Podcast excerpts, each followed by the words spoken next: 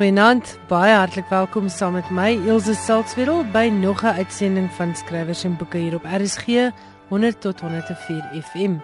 Ek hoor baie van mense wat in die buiteland woon en wat sê hulle mis Afrikaans. Ek sê dit my elke Woensdag aand, maar onthou om vir die mense te laat weet ons saai ook uit op die wêreldwye web by rsg.co.za. Finanse eerste helfte word afgestaan aan François Smit se boek Kampoer. Nou ek voorspel dat hierdie boek nog 'n paar letterkundige rimpelings gaan veroorsaak en ek weet ook dat dit die tipe boek is wat leeskringe waarskynlik graag sal wil bespreek. So as hierdie boek op jou leeskring se program is, skuif nader want hier is Isak de Vries, 'n baie bekende in letterkundige kringe, in gesprek met François Smit en hulle praat oor kampoer. Ek waarsku maar net vooraf dat kampoer sensitiewe temas hanteer en dat luisteraars bedag moet wees daarop. Lekker luister. Ek gesels vandag met François Smit, die skrywer van Kamp Hoer, 'n boek oor 'n meisie wat wreed verkragt is tydens die Boereoorlog en dan later by twee verskillende geleenthede en twee verskillende wêreldoorloë haar verkragters weer in die oë moet kyk. Nou, Corneels Breitenberg het in 'n resensie in 'n rapport gesê en ek haal aan: François Smit se Kamp Hoer is een van die sterkste debuutwerke tot nog toe in Afrikaans.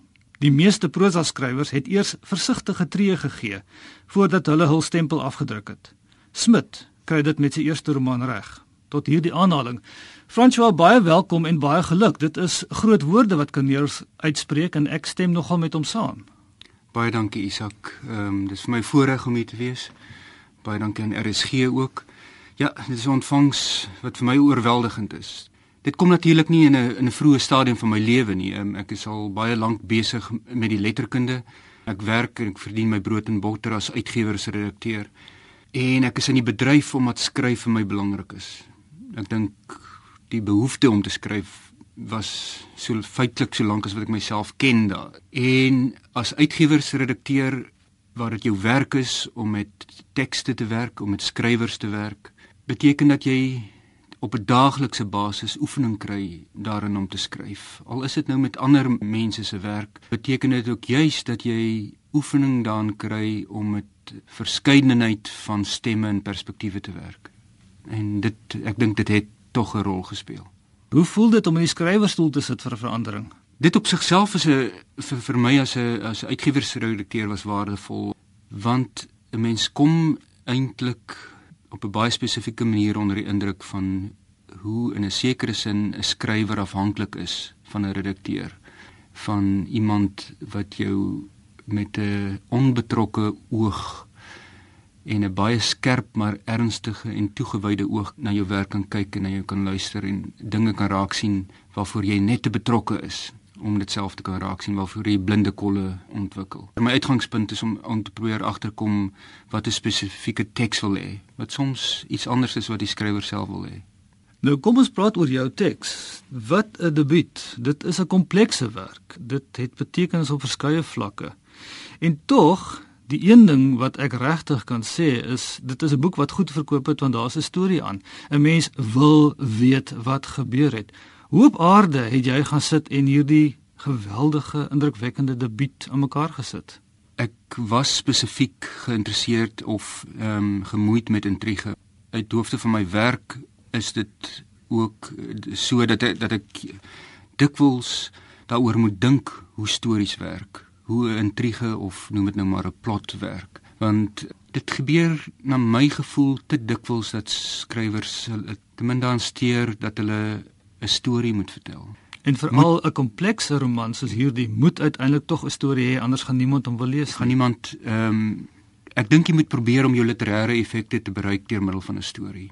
In in eerste plek 'n storie te probeer vertel en dit goed te probeer vertel sodat dit op die oppervlakte as storie werk dat die leser deur die verhaal betrek word deur alles anders wat jy bereik. As 'n roman as storie werk, en daarbey is nog ander la, dieper la, dan is dit 'n bonus. Maar ek dink in die eerste instansie moet dit as 'n as 'n verhaal werk. Ek is geïnteresseerd in jou insig in die sielkunde. Nie net is daar verskeie Freudiaanse en Jungiaanse beelde nie. Uh, mens kan byvoorbeeld kyk na die hergeboorte in die grot of die latere terugkeer na haar eie graf waar sy natuurlik nie begrawe is nie. Maar jou hoofkarakter word uiteindelik dan ook 'n psigoanalis wat 'n disipel van Freud was.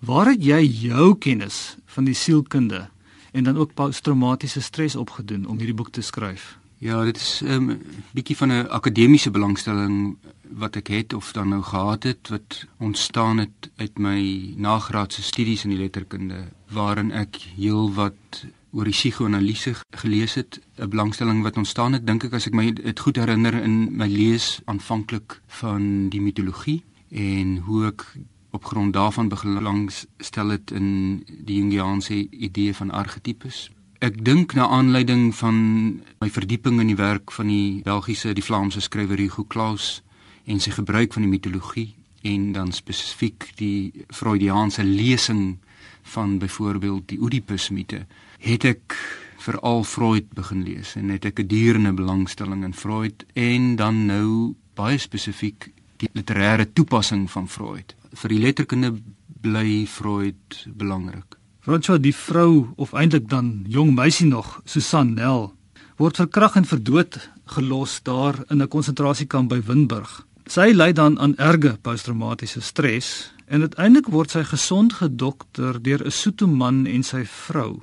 Nou jy praat self vlot Sotho, maar hoe het jy die ongelooflike diep kennis van die Sotho gebruike uh opgetel want dit is interessant. Jy beskryf goed wat ek nog nooit van tevore gelees het nie en ek het self al 'n bietjie gelees oor die helende krag van dan nou die Afrika healer en wat dit ook al mag beteken. Ek praat nie vlot Sotho nie, ek praat 'n heel elementêre Sotho, maar my oor is op Sotho ingestel deurdat ek in 'n huis groot geword het waar Sotho een van die twee tale is wat gebruik is. My ma praat heeltemal vlot Sotho. Sy kom self van die Oos-Vrystaat af van Klokkolaan waar die lingua franca ek veronderstel steeds Sotho is en nie Afrikaans of Engels nie. Dit was van baie vroeg af vir my 'n blootstelling aan die taal Sotho ook aan ek het met um, Sotho mense op die, op 'n plaas groot geword en het gehoor hoe wat 'n belangrike rol die vertel van verhale in die Sotho kultuur het. Ek is blootgestel byvoorbeeld aan die inisiasie rituele van die Sotho mense. En ek dink ek het erg onder die indruk daarvan gekom.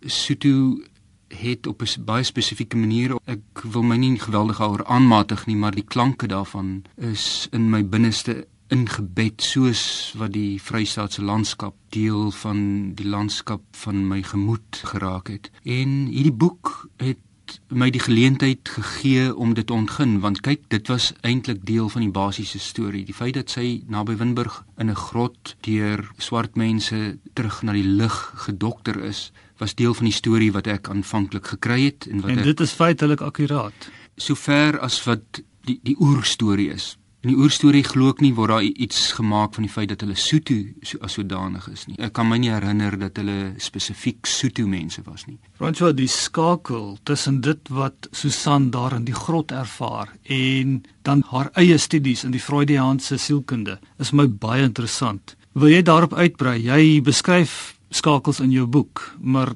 hoe het daai ding vir jou oopgegaan? Dis 'n skakel wat ek moes ontdek. Die boek begin en dit het ek voordat ek begin skryf het in my kop gehad. Dit begin met dit het eintlik twee aanvangsmomente. Dit het eintlik twee stemme. Dit het twee verhaallyne wat vervleg raak. En een daarvan is waar die hoofkarakter, hierdie vrou Susan Nel, as volwasse vrou in 'n hospitaal, 'n militêre hospitaal in Denver gedurende die Eerste Wêreldoorlog, waar sy as 'n verpleegster gaan werk vrywillig as 'n ver, verpleegster gaan werk waar sy voor 'n hospitaalkamer te staan kom en die naam op die deur herken met 'n eisingswekkende skok herken sy daardie naam. En die ander beginmoment van die storie is waar hierdie selfde vrou 16 jaar vroeër, dit wil, wil sê as baie jong vrou in 'n grot haar bewussyn herwin nadat sy in 'n konsentrasiekamp van die Anglo-Boereoorlog wreedaardig aangerand is. In die grot vanuit die diepste donkerte word sy wakker en daar beweeg die verhaal dan na die lig toe. Nou sy haar bewussyn nie net letterlik haar bewussyn erwin nie, maar ook hoe sy ook dit reg kry met die hulp van 'n paar weldoeners om na die lig te kom. En die ander verhaal begin dan in daai hospitaal waar sy staan in daardie lig as 'n vrou wat veronderstel het dat sy in staat was om daardie trauma nie net te hanteer nie, maar sterk genoeg te wees om vir ander mense wat deur soortgelyke goeters die lig te bring. En hoe sy dan voor daardie deur weer 'n keer terug beweeg in die donkerte in, vanuit die lig in die donkerte in. En dit is hierdie twee verhale wat dan so intiem vervleg raak Die rede hoekom sy natuurlik so ontsettend getraumatiseerd is, is die man wat agter daai deur is, is haar verkragter en sy weet dit. Ja. François, ek wil nie te veel daarop ingaan nie want dan gaan die gesprek te veel verloop. Maar donker en lig is 'n ontsettend belangrike deel van hierdie boek en ek dink jy doen dit besonder goed. Ek wil net vinnig weer vra die skakel tussen die Sotho en die psigeanalise. In jou boek meld jy 'n baie bepaalde dokter wat belangstel het daarin. Hoe het jy op hom afgekom? 'n Werklike figuur, ene dokter Rivers, het baanbrekerswerk gedoen betreffende die behandeling van wat ons deesdae posttraumatiese stres. Hulle het dit bomskok genoem. Die wêreld het dit eintlik eers as 'n verskynsel leer ken met die Eerste Wêreldoorlog toe dit as dit ware in die geheue, in die bewussyn van die mensdom ingeskiet is. Die verskynsel dat soldate heeltemal buite al hulle sinne geskok raak. Aanvanklik is gedink dat dat dit bloot 'n simptoom is van lafhartigheid dat mense simptome versin omdat hulle wil weghardloop van die loopgrawe af. En Rivers was een van die mense wat ingesien het dat dit 'n siekte is, dat dit 'n 'n besering aan die siel is wat op 'n baie spesifieke en simpatieke manier behandel moes word.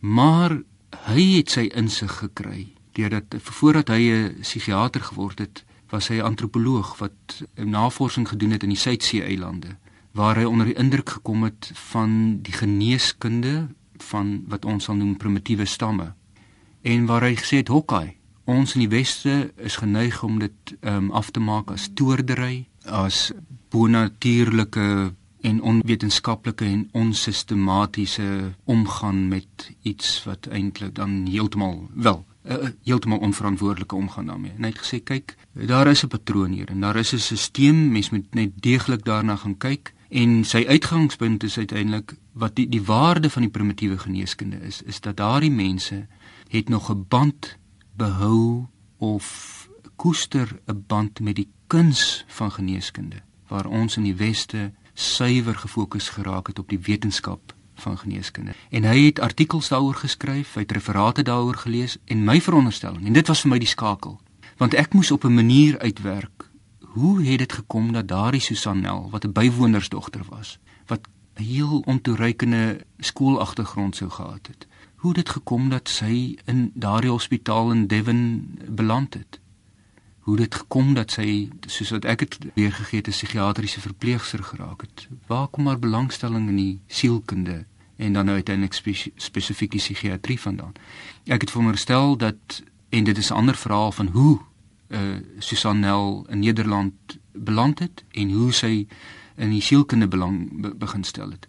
Ek het uiteindelik vir onsself dit was my die skakel dat sy by haar werk, by haar werkgewer van Rivers te hore gekom het, van sy referate te hore gekom het, dit 101 gelees het en dit moes 'n sneller naar afgetrek het, want onbewustelik was dit in haar teenwoordig dat dit die manier was waarop sy teruggedokter is. Daardie twee soeto mense wat nie bewustelik asielkundiges opgetree het wat eintlik maar net gemaak gedoen het soos wat hulle gewoond was om te doen. Maar op hulle manier het hulle haar deur die gebruik van rituele, van verhale.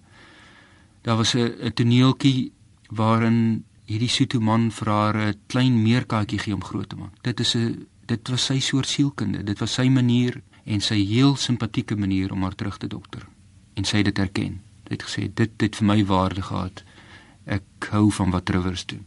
François Susan Nel se storie, hoe dit by jou opgedaag het, is 'n storie in sigself. Dit kom via Nico Moelman wat ook 'n storie het om te vertel. Wil jy dalk baie vinnig net vir ons Nico se storie vertel hoe hy uitgekom het by die skryf van The Boer Hoor? In daardie opsig is dit regtig 'n 'n storie wat my opgesoek het eerder as as wat ek die storie ontdek het en nagejaag het. Nico Moelman uh, wat in daardie stadium in 'n uitvoerbesigheid bedryf het waarvoor hy dikwels na die ooste moes reis, het een dag in ek dink in 2009 het hy in 'n hotel in Bangkok gesit en die huiserdeur het oopgemaak en daar het 'n middeljarige oosterse vrou uitgekom en hy het 'n aanmerking oor haar gemaak teenoor sy vriend wat langs hom by 'n rekenaar sit en e-pos stuur het huis toe. Die vrou kon verstaan wat hulle sê en sy het na hom toe geloop en vir hom gesê: "Luister, ek is ook 'n Afrikaner." En hy het omtrent op sy rug geval en sy sê vir hom: "Ja, my ma was 'n Afrikaner." Hy sê: "Dit kan nie wees nie." En sy vra vir hom: "Het jy tyd? Want dit is 'n lang storie."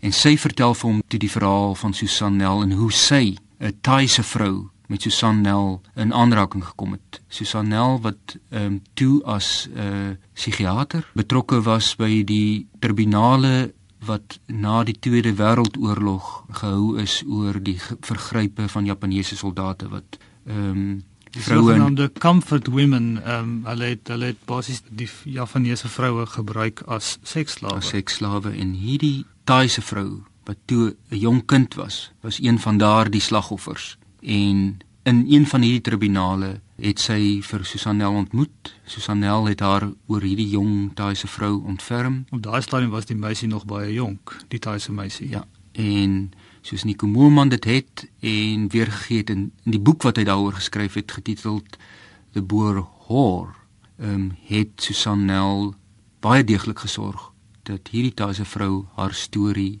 hoor en sorg dat dit oorvertel word en sy het die storie toe vir Nico vertel wat dan nou die boer hoor geskryf het.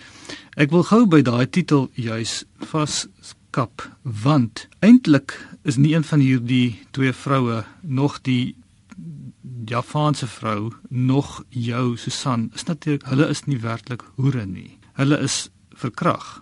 Dit was nie 'n uitruil van geleenthede nie. Dit is hulle is misbruik. Maar die klad wat hierdie mense met hulle saamgedra het en veral dan iemand soos Susan is belangrik en as ons dit nou na 'n breër prentjie neem, vandag nog het ons verkrachtings wat plaasvind op 'n daaglikse basis, nie net in Suid-Afrika nie, maar wêreldwyd met oorloë.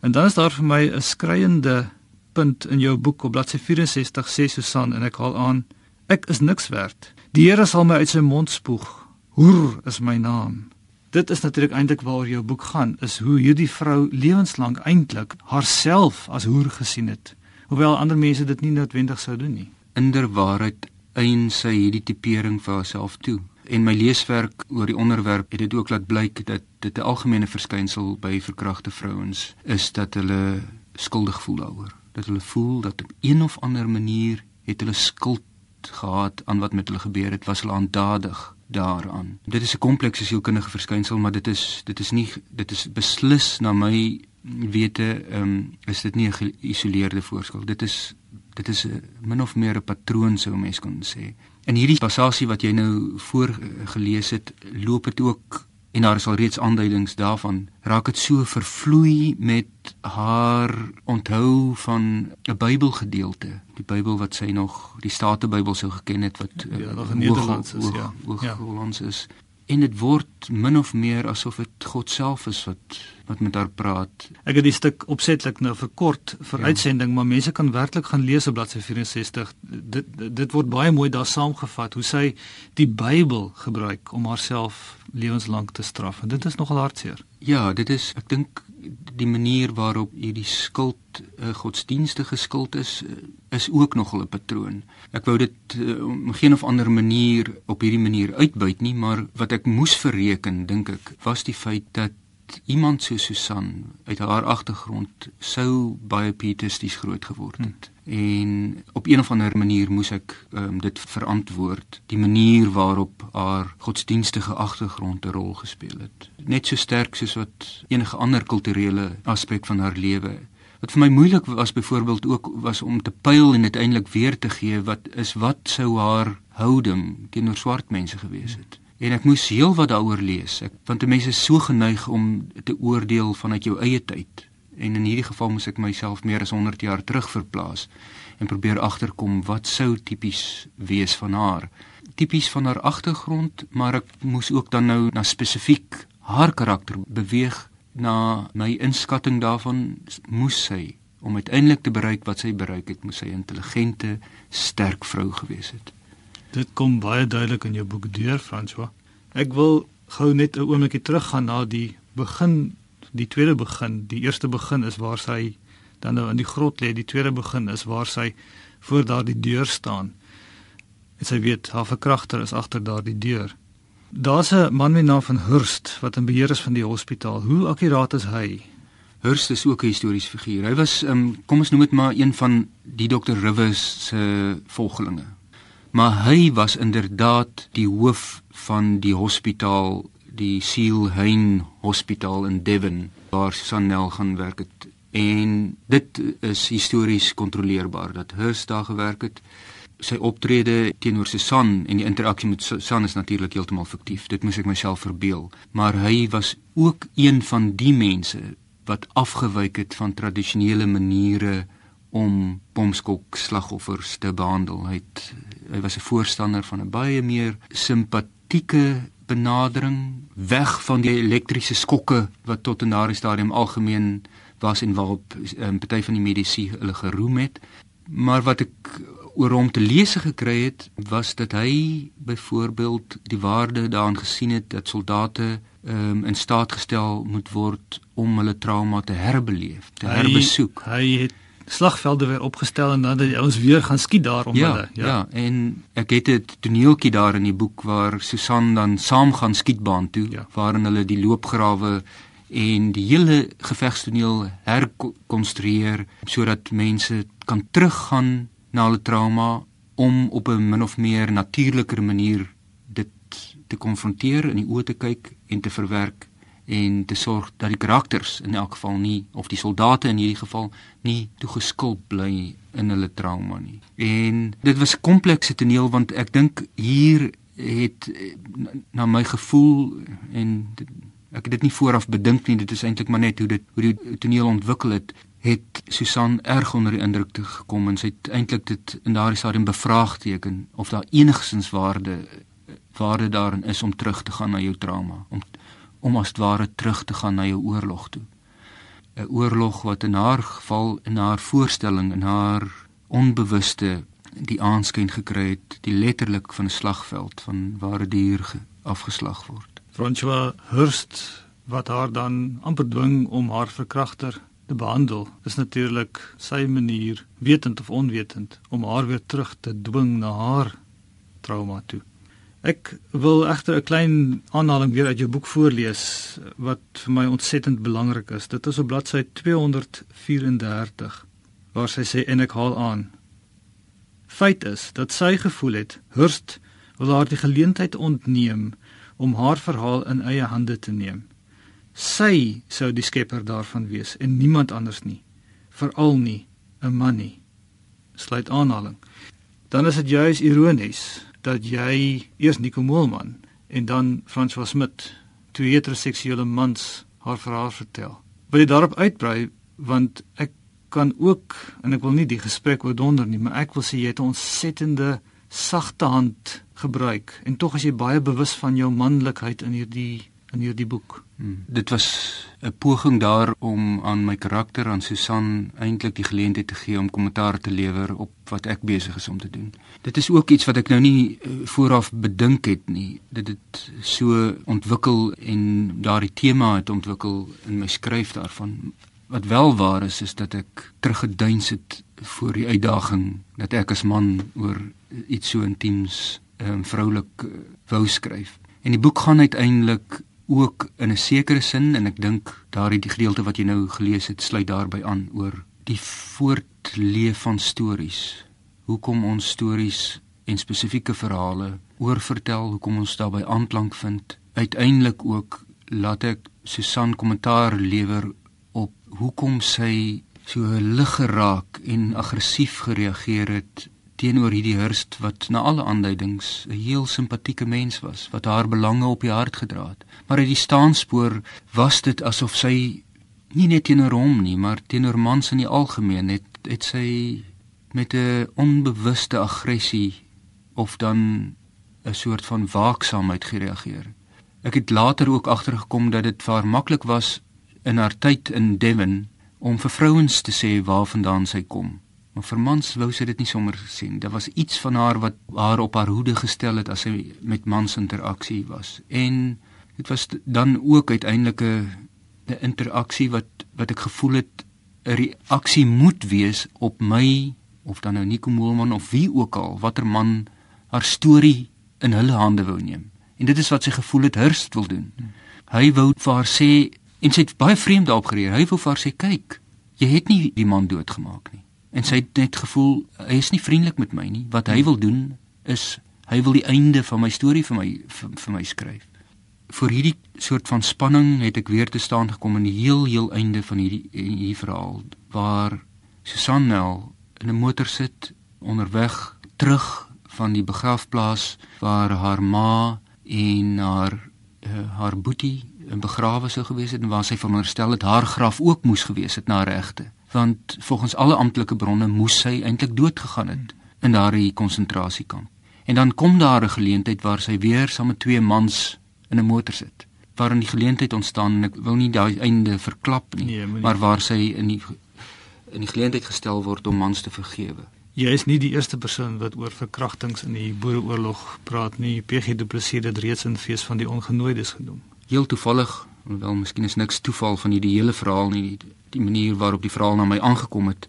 Dat dit lyk asof daar iets iets van 'n vooraf bestemming daarin was. Maar hierdie boek het ook byna Vrouedag of in die, dan in die middel van Vroue Maand verskyn byna ook asof dit so bestem was.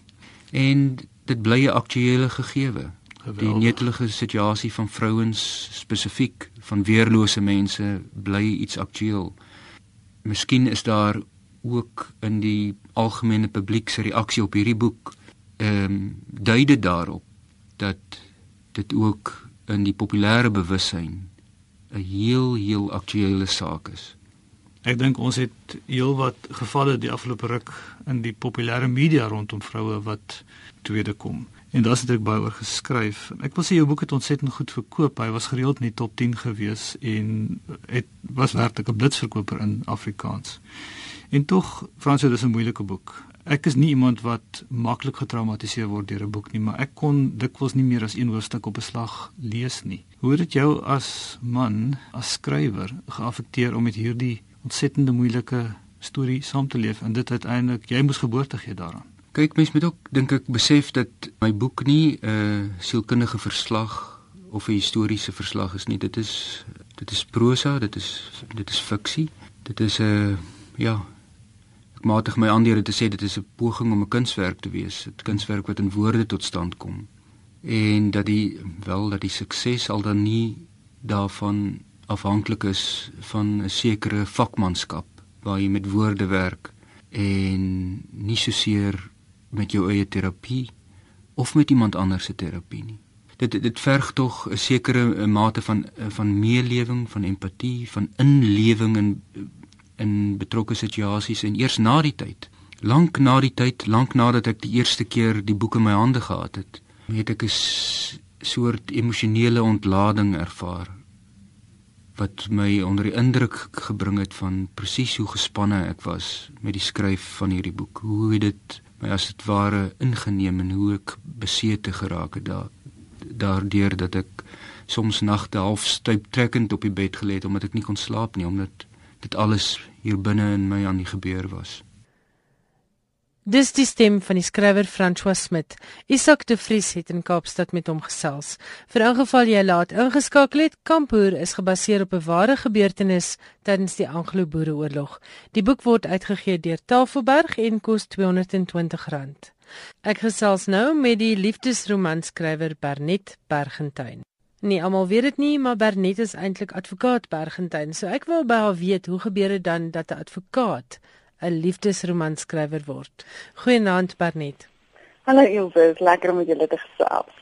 Jy is nou bekend as 'n liefdesromanskrywer. Ek dink nou sommer aan jou 3 liefdesromans wat in die laaste 3-4 jaar verskyn het of is dit 2 jaar? Van 2012 einde 2012 tot nou, so dit ja. 2 jaar. So jy's 'n baie produktiewe skrywer. Jy het in die laaste 2 jaar vir ons Lam in Wolfsklere gebring als oor kop en nou is jou nuwe liefdesroman uh Stilettos van staal is binnekort op die rakke. Hoe het dit nou gebeur ja. dat iemand met 'n regsgraad, jy's 'n advokaat, 'n praktiserende advokaat, hoe dit gebeur dat liefdesromans jou passie geword het? Maar nou, ek het eintlik begin skryf lank voor ek begin praktiseer het of my loopbaanrigting gekry het. In 2011 het my eerste klein boekie, my eerste roman was gepubliseer by Lapa Uitgewers en ek het nog twee romans geskryf. En hoe dit gebeur het is op Universiteit vir Ontvlugting vir alles ons misleer vir finansiële rekeningkunde want ek het 'n kursus op Stellenbosch gevat by RKLB het ons hierdie ehm um, Ena Marie se trein na die toys gelees om net bietjie te ontspan en uh eendag het ons een van hierdie boeke gelees en ek sê dit vir my vriendin man dit is verouderd en hulle dra nie die regte nie en ek sê trek dit beter van nie. En sy sê ruk op op en sy baie van die boeke gehou en sy sê dit vir my was jy kan beter doen dit self. Dan sê ek die iemand ek verloop uitgewers en dit gee dit vir my 'n lys van vereistes en ek skryf dit nou 'n boek baie mooi dis nie wat nog ooit so mooi of so mooi of so ryk soos die karakters word dit nie.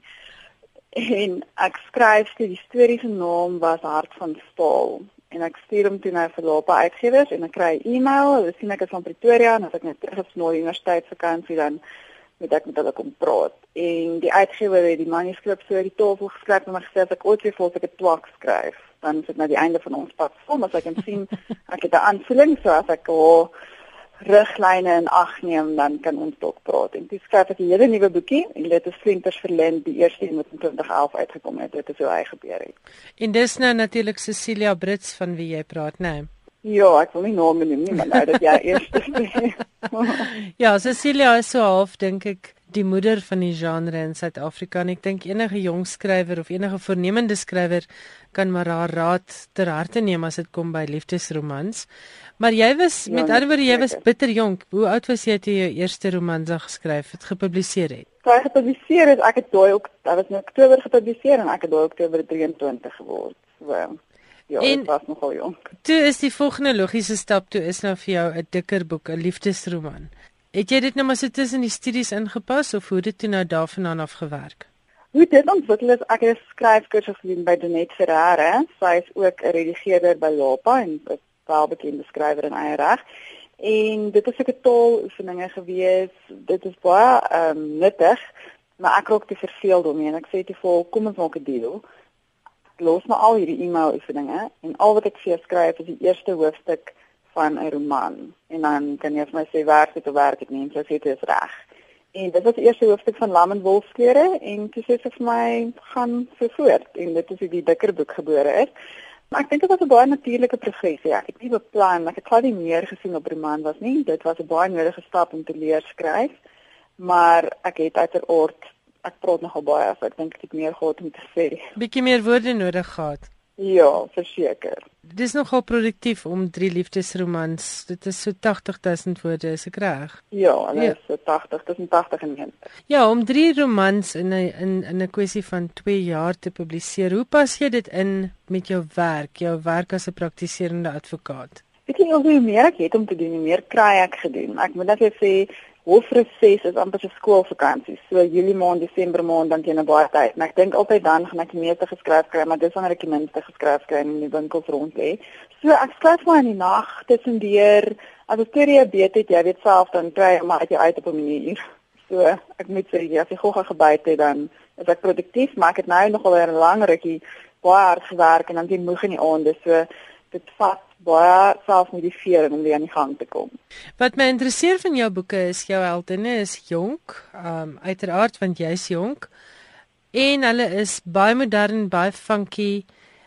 Hoe maklik is dit vir jou om nou 'n geloofbare heldin te skep? Ek begin my boeke altyd met karakters. Ek draf baie en terwyl ek draf dan gewoonlik kom praat hierdie karakters met my. Ek wil nou net nie in 'n mental institution opgeneem word nie. As dit gebeur, sal jy omring wees deur talle skrywers want ek hoor hierdie storie by baie skrywers. So julle gaan 'n baie lekker groepie daar wees, julle kan 'n klub begin. Aan ondersteuning met wat. Maar gewoonlik so die karakters kom, dis gewoonlik 'n gesprek of jy sien hoe loop hulle in die winkel of dis net so 'n flits en dan uh, dit gaan met 'n plot plot plot tot ek nou genoeg materiaal het om om karakterontwikkeling te doen. En dan ontwikkel ek nou letterlik my al den eerste welkom sy vandaan, wie so familie, wat is haar issues, hoe kom dit sy dit, wat trek sy aan, waarvan hou sy, wat is haar snaaks en so ontwikkel ek 'n ek doen 'n baie deeglike karakterontwikkeling van my hoofkarakters. Dit sal byvoorbeeld jou held en jou den en dan jou hoofondersteunende karakters wees. En die storie gaan van self daar van daar self en om terug te kom by wat by geloofwaardige gedin al den uitkom. Ek dink dit is omdat ek ook tussen sulke mense beweeg. So dit is vir my baie maklik om te leen by my vriendinne of mense wat jy in die straat sien wat sommer jou inkopies doen, sommer jy by die gym is. So dit is binne my verwysingsraamwerk en dit maak dit definitief baie makliker. Maar ek let op jy sê leen, jy skryf nooit 'n karakter net so oor nie. Baie mense vra vir my of ek al die karakters skryf vir myself baseer en dit is glad nie so nie. Daar's baie van myself in my karakters natuurlik, maar ek gebruik die karakter ontwikkel uit jou hande uit. So 'n eienskap van 'n vriendin wat jy snaaks soos wat jy opgemerk het, werk mens in en ek moet sê dit is nie baie doelbewuste proses nie. Dit gebeur instinktief wat lekker is want dan vir dit laat dit lyk like of die karakter geplante eienskappe het wat nie eie aan hom is nie. So ek dink jou jou basis is maar waarmee jy elke dag te doen het en dit gaan in jou skrywer reflekteer. Mense, die vriendinne wat jy het, die dinge wat jy saam doen. Daar's 'n stereotipering onder veral letterkundige kritici en resensente dat hierdie 'n taamlike liggewig verhaaltjies. Hoe voel jy daaroor? En ek praat nou van die genre waarna jy skryf. Ek praat nie van jou boeke nie. Ek geniet altyd jou werk, maar die genre word baie geminag. Dit is baie waar jy mense dink, ehm um, mense wat my gesê word dommer as jy daardie boeke lees.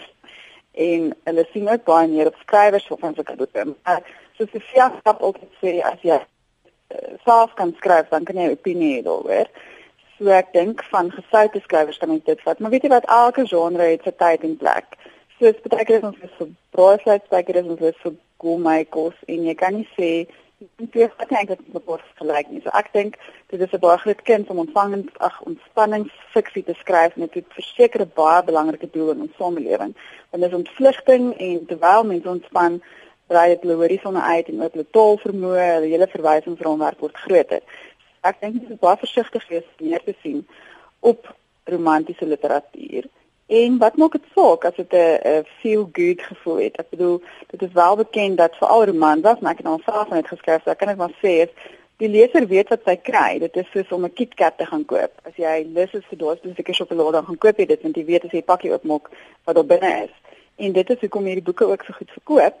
En dis met natuurlik ook nie hulle ekonomiese rol in 'n uh, uitgewershuis onderskat nie, want as jy mooi gaan kyk, is die romantiese fiksie wat al die ander literatuur befonds. So dit het verseker 'n baie baie belangrike rol in die samelewing en ook in die lesers en skrywers wêreld. Sonder romantiese fiksie sal ons nie meer gevorder nie, net so meer intellektuele fiksie hê nie. So dit moet nie onderskat word nie. Ek dink wat baie van jou romantiese fiksie skrywers ontwikkel en skrywers van swaarder materiaal. So daar moet glad nie meer op gesien word nie. Ek dink dit is eintlik mense wat en verwysingsraamwerk het wat so daaroor redeneer. En natuurlik jy het nou geraak aan die ekonomiese sy van romantiese fiksie wat uitgewers deure oophou, maar ook in terme van byvoorbeeld romansas is daar 'n sakpas faktor want dit is nie dik duur boeke nie. Mense kan gereeld hierdie boeke koop. Ja, dit is sien jy wil elke maand elke maand kom ons sien romansas uit of Toffelberg vir Jasmine of wat daai uitgewers nou ook al wil wees en elke maand kom ons vier uit en die mense die uitgewers wil daai vier boeke verkoop en die lesers lees een op 'n Vrydag aand klaar, volgende Vrydag aand as hulle weer tyd het, wil hulle 'n nuwe een lees en jy wil dit kan bekostig sonder om ehm um, jy weet te break the bank. En ek dink dis ook belangrik jy moet ontspanning toeganklik maak anders gaan dit nie gewild wees nie anders gaan dit glad ook nie daai befondingselemente hê nie. Ons het nou gepraat oor die resep jy het geraak aan die resep van 'n romanza en dit is bewys dit is wat 'n leser verwag as jy dit nie vir hom gee nie gaan sy baie teleurgesteld wees. Maar hoe moeilik is dit om volgens daai resep te skryf binne sê nou maar 40 of 80000 woorde want jy kan nou nie net vir 120000 woorde lank aan en aan en aan en aangaan nie. Jy moet sekere hoogtepunte bereik op sekere plekke in die boek. Ja, ek moet sê dit is ook dit sluit nou weer aan by die kuns om romantiese fiksie te skryf want jy het verseker 'n ingeoefende struktuur. Ja, aan die begin was dit vir my baie moeilik want ek is nogal kreatief en ek dink elke skrywer is kreatief. So dit voel baie keer vir jy word 'n boeksie gebruik want jou karakter moet aan sekere vereistes voldoen. Ek bedoel jy kan nou nie um, 'n um, prostituut of karakter maak in 'n roman want wat jy kan seker, maar jy gaan dit baie goed moet motiveer. En ehm um, dit is ook nie fiksie wat wat skok nie of wat te aktueel is nie. So as jy seker ehm um, ander wat moet jy baie fyn doen en dit moet baie genuanceerd wees as ek dit so kan sê. Die resep is vir my 'n baie veilige raamwerk gewees waar binne ek kon leer om te skryf. Want as ek byvoorbeeld 21 hardloop, 21 half maraton, dan sê ek altyd vir myself to finish the race you must face the way. En dit is presies wat vir 'n fiksie ook. Jy kan nie 'n roman wat 44000 woorde en dit help nie net hierdie held en die heldin hierdie liefde tussen hulle en na 1000 woorde is 'n storie is dit sluit uit my storie is uit nie. So om te leer om skryf fiks te word om die leser net gebonde te hou is absoluut 'n kind en mens dit is maklik om dit binne die parameters van die genre in te oefen. En dan byvoorbeeld Loopak, weet nie ander uitgewers uitwerk nie, maar ehm um, wonderlike redigeerders en die boeke gaan byvoorbeeld na Janet Paul se manuskripfabriek toe en hulle trek rooi strepe en skryf jy waar jy afgewyk het van die resep. Nie dat jy geen vryheid gee nie, ek bedoel dan sy ons glad nie saam kon werk nie. Maar die resep is vir my eintlik 'n baie goeie raamwerk gewees om te leer skryf. Ek neem aan dit laat jou veilig voel. Verseker en as jy sodra jy veilig voel, dan kan jy ook meer kreatief wees sonder om te dink ek okay, nou is ek heeltemal van die pad af. En as ek nie romans was geskryf het nie, sou ek nie in staat gewees het om bietjie dikker boeke te skryf nie. Jy skryf ook kortverhale. Ek weet jy skryf in Engels en Afrikaans as ek dit nie mis het nie, skryf jy ook kortverhale. Hoe belangrik is dit om jou skryf potlood skerp te hou, elke dag te skryf, gereeld te skryf, baie te lees? Die kortverhale is my dit is die lekkerste ding om te skryf, jy maar op my seepkis kan klim en jy kan aktuele kwessies aanspreek en bietjie skok en dit is korter, so 'n baie treffende medium. Kortverhale met die in met die verloor dit, jy verloor daai uh, kuns en ook die inspirasie. So dit is tyd soos dit is land se weekblad wat elke week kortverhale het, rooi rose, sorry wat elke maand het, is baie lekker en dit skep 'n groot platform. Ongelukkig is daar net soveel Afrikaanse tydskrifte. Mens kan natuurlik na Engelse markte ook hoor gaan soos jy gesê het alles wat jy skryf gaan nie noodwendig gepubliseer word nie. Kom ons praat oor skrywers se geld. Nee, ek wil nie syfers by jou hoor nie, maar mense is dikwels onder die, die illusie dat as jy 10000 boeke verkoop of twee, nee, as jy kom ons begin daarby, as jy 'n boek publiseer dan word jy skatryk. Hoe voel jy oor daardie mite? Nee, dit is heeltemal onwaar.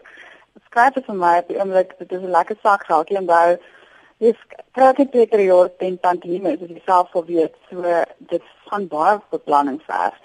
En as jy 10 brode skryf, gaan jy verseker by meer as een uitgewer moet wees. En ten minste elke maand een of twee van jou binne romantiese boekies uitkry, sodat jy tantieme jy kan dra die hele jaar. So skrywersvergoeding is nie dink ek ek dink nie ek geloof in lewe regtig in Suid-Afrika tensy hy ongelooflik produktief is soos Dina Botha of Janet Paul. As dit nie die geval is met Jenny dan sal ek nie voorstel jy drank onmiddellik jy werk tensy jy man het wat al die rekening van betaal. My advokaatspraktyk word baie keer gefinansier deur my skrywer en baie keer finansier my advokaatspraktyk deur my skryflewe. So dit is 'n neem en gee. Ek kan nie een van die ander kan doen nie. Ek wil gou terugkom. Jy het gesê hulle trek dik rooi strepe deur goed waarvan hulle nie hou nie.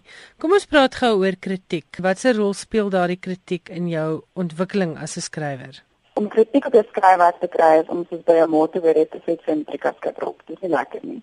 Maar ek dink ek het bevoorreg gewees omdat ek so jonk begin skryf het dit was net so wonderlik dat iemand se Janet Paul met my manuskrip gelees het. As Janet Paul sê dit werk nie vir nie, dan antwoord ek dit werk nie vir nie. Maar kritiek is nie lekker nie en ek weet daar is baie skrywers wat dit baie persoonlik opneem. Ek dink jy moet maar net jy moet baie mooi onderskei. Wil die ehm um, redigeerder of die keerder jou persoonlik aanval of gee hulle net so opbouende kritiek wat jy in volgende manuskripte kan gebruik want die feit van die volk is hulle dink ook meer kommersieel daaroor en wat gaan verkoop en wat is vatbaar en dit is nie vir skrywers wil dan nie. Vat kritiek ter harte en werk dit in maar jy self beskryf dit natuurlik 'n taal aanvulling en jy weet ook of jy hou of nie nie nie. So nie bang is om jou eie stem ook te lig nie. Maar ek dink die mense met met 'n nou kaffe mile en besluit almal niemand daarvan my gaan nooit weer skryf nie. Dit was Bernet Bergentyn, haar jongste roman Stilettos van staal wat uitgegee word deur Lapa Uitgewers is nou op die rakke. Ongelukkig het die tyd ons nou weer ingehaal. Dit is alwaarvoor daar vanaand tyd is in skrywers en boeke, maar volgende Woensdag aand is ek terug As jy gelukkig genoeg is om van dese week by Aardklop uit te kom, onthou om 'n draai te gaan maak by die ATKV Boekeoase vir 'n heerlike uiteenlopende boekeprogram waar jy ook jou gunsteling skrywers kan ontmoet en Graffiti het 'n boekwinkel reg langsaan waar jy die heel jongste Afrikaanse publikasies kan koop. Daar's 'n wonderlike tweedehandse boekwinkel waar jy dalk net daardie rare fonds gaan kry waarna jy al 'n hele paar jaar lank op soek is. En onthou ook van Dick Grobler en ander animasiekunstenaars se projek Filmverse. Hierdie uitstalling waar ons verlede week in skrywers en boeke gepraat het, gaan natuurlik oor die animasie van 12 gedigte, 12 Afrikaanse gedigte. As jy nie daar kan uitkom nie, onthou jy kan die DVD's van Filmverse by die ATKV bestel. Gaan kyk eenvoudig op hulle webwerf en dit is 'n baie baie handige hulpmiddel vir matriekleerders en ander leerders wat met Afrikaanse poësie te doen het. Gaan kyk op die webwerf by www.atkv.org.za. As jy finansiëre program weer wil luister, onthou dit is op potgooi beskikbaar op ons webwerf. Gaan na rsg.co.za en klik op potgooi, dan klik jy op skrywers en boeke en dan is al die potgooi van die laaste paar maande sal daar te kry wees. As jy 'n SMS wil stuur oor finansiëre program, stuur dit na 3343. Elke SMS kos R1.50. As jy wil e-pos, stuur 'n e-pos na skrywers en boeke by rsg www.co.za. En daarmee groet ek Elsje Salzwetel dan tot volgende Woensdag aand, dieselfde tyd tussen 8 en 9 uur op RSG en dieselfde plek daar in jou sitkamer of in jou slaapkamer waar jy ook al na RSG luister. Bly ingeskakel vir die res van Finansie musiekprogramme. Daar's weer 'n pragtige chill en daar is 'n pragtige program met klassieke musiek. Tot ons weer gesels volgende Woensdag groet ek Elsje Salzwetel. Ek hoop jy het 'n wonderlike week met fantastiese boeke.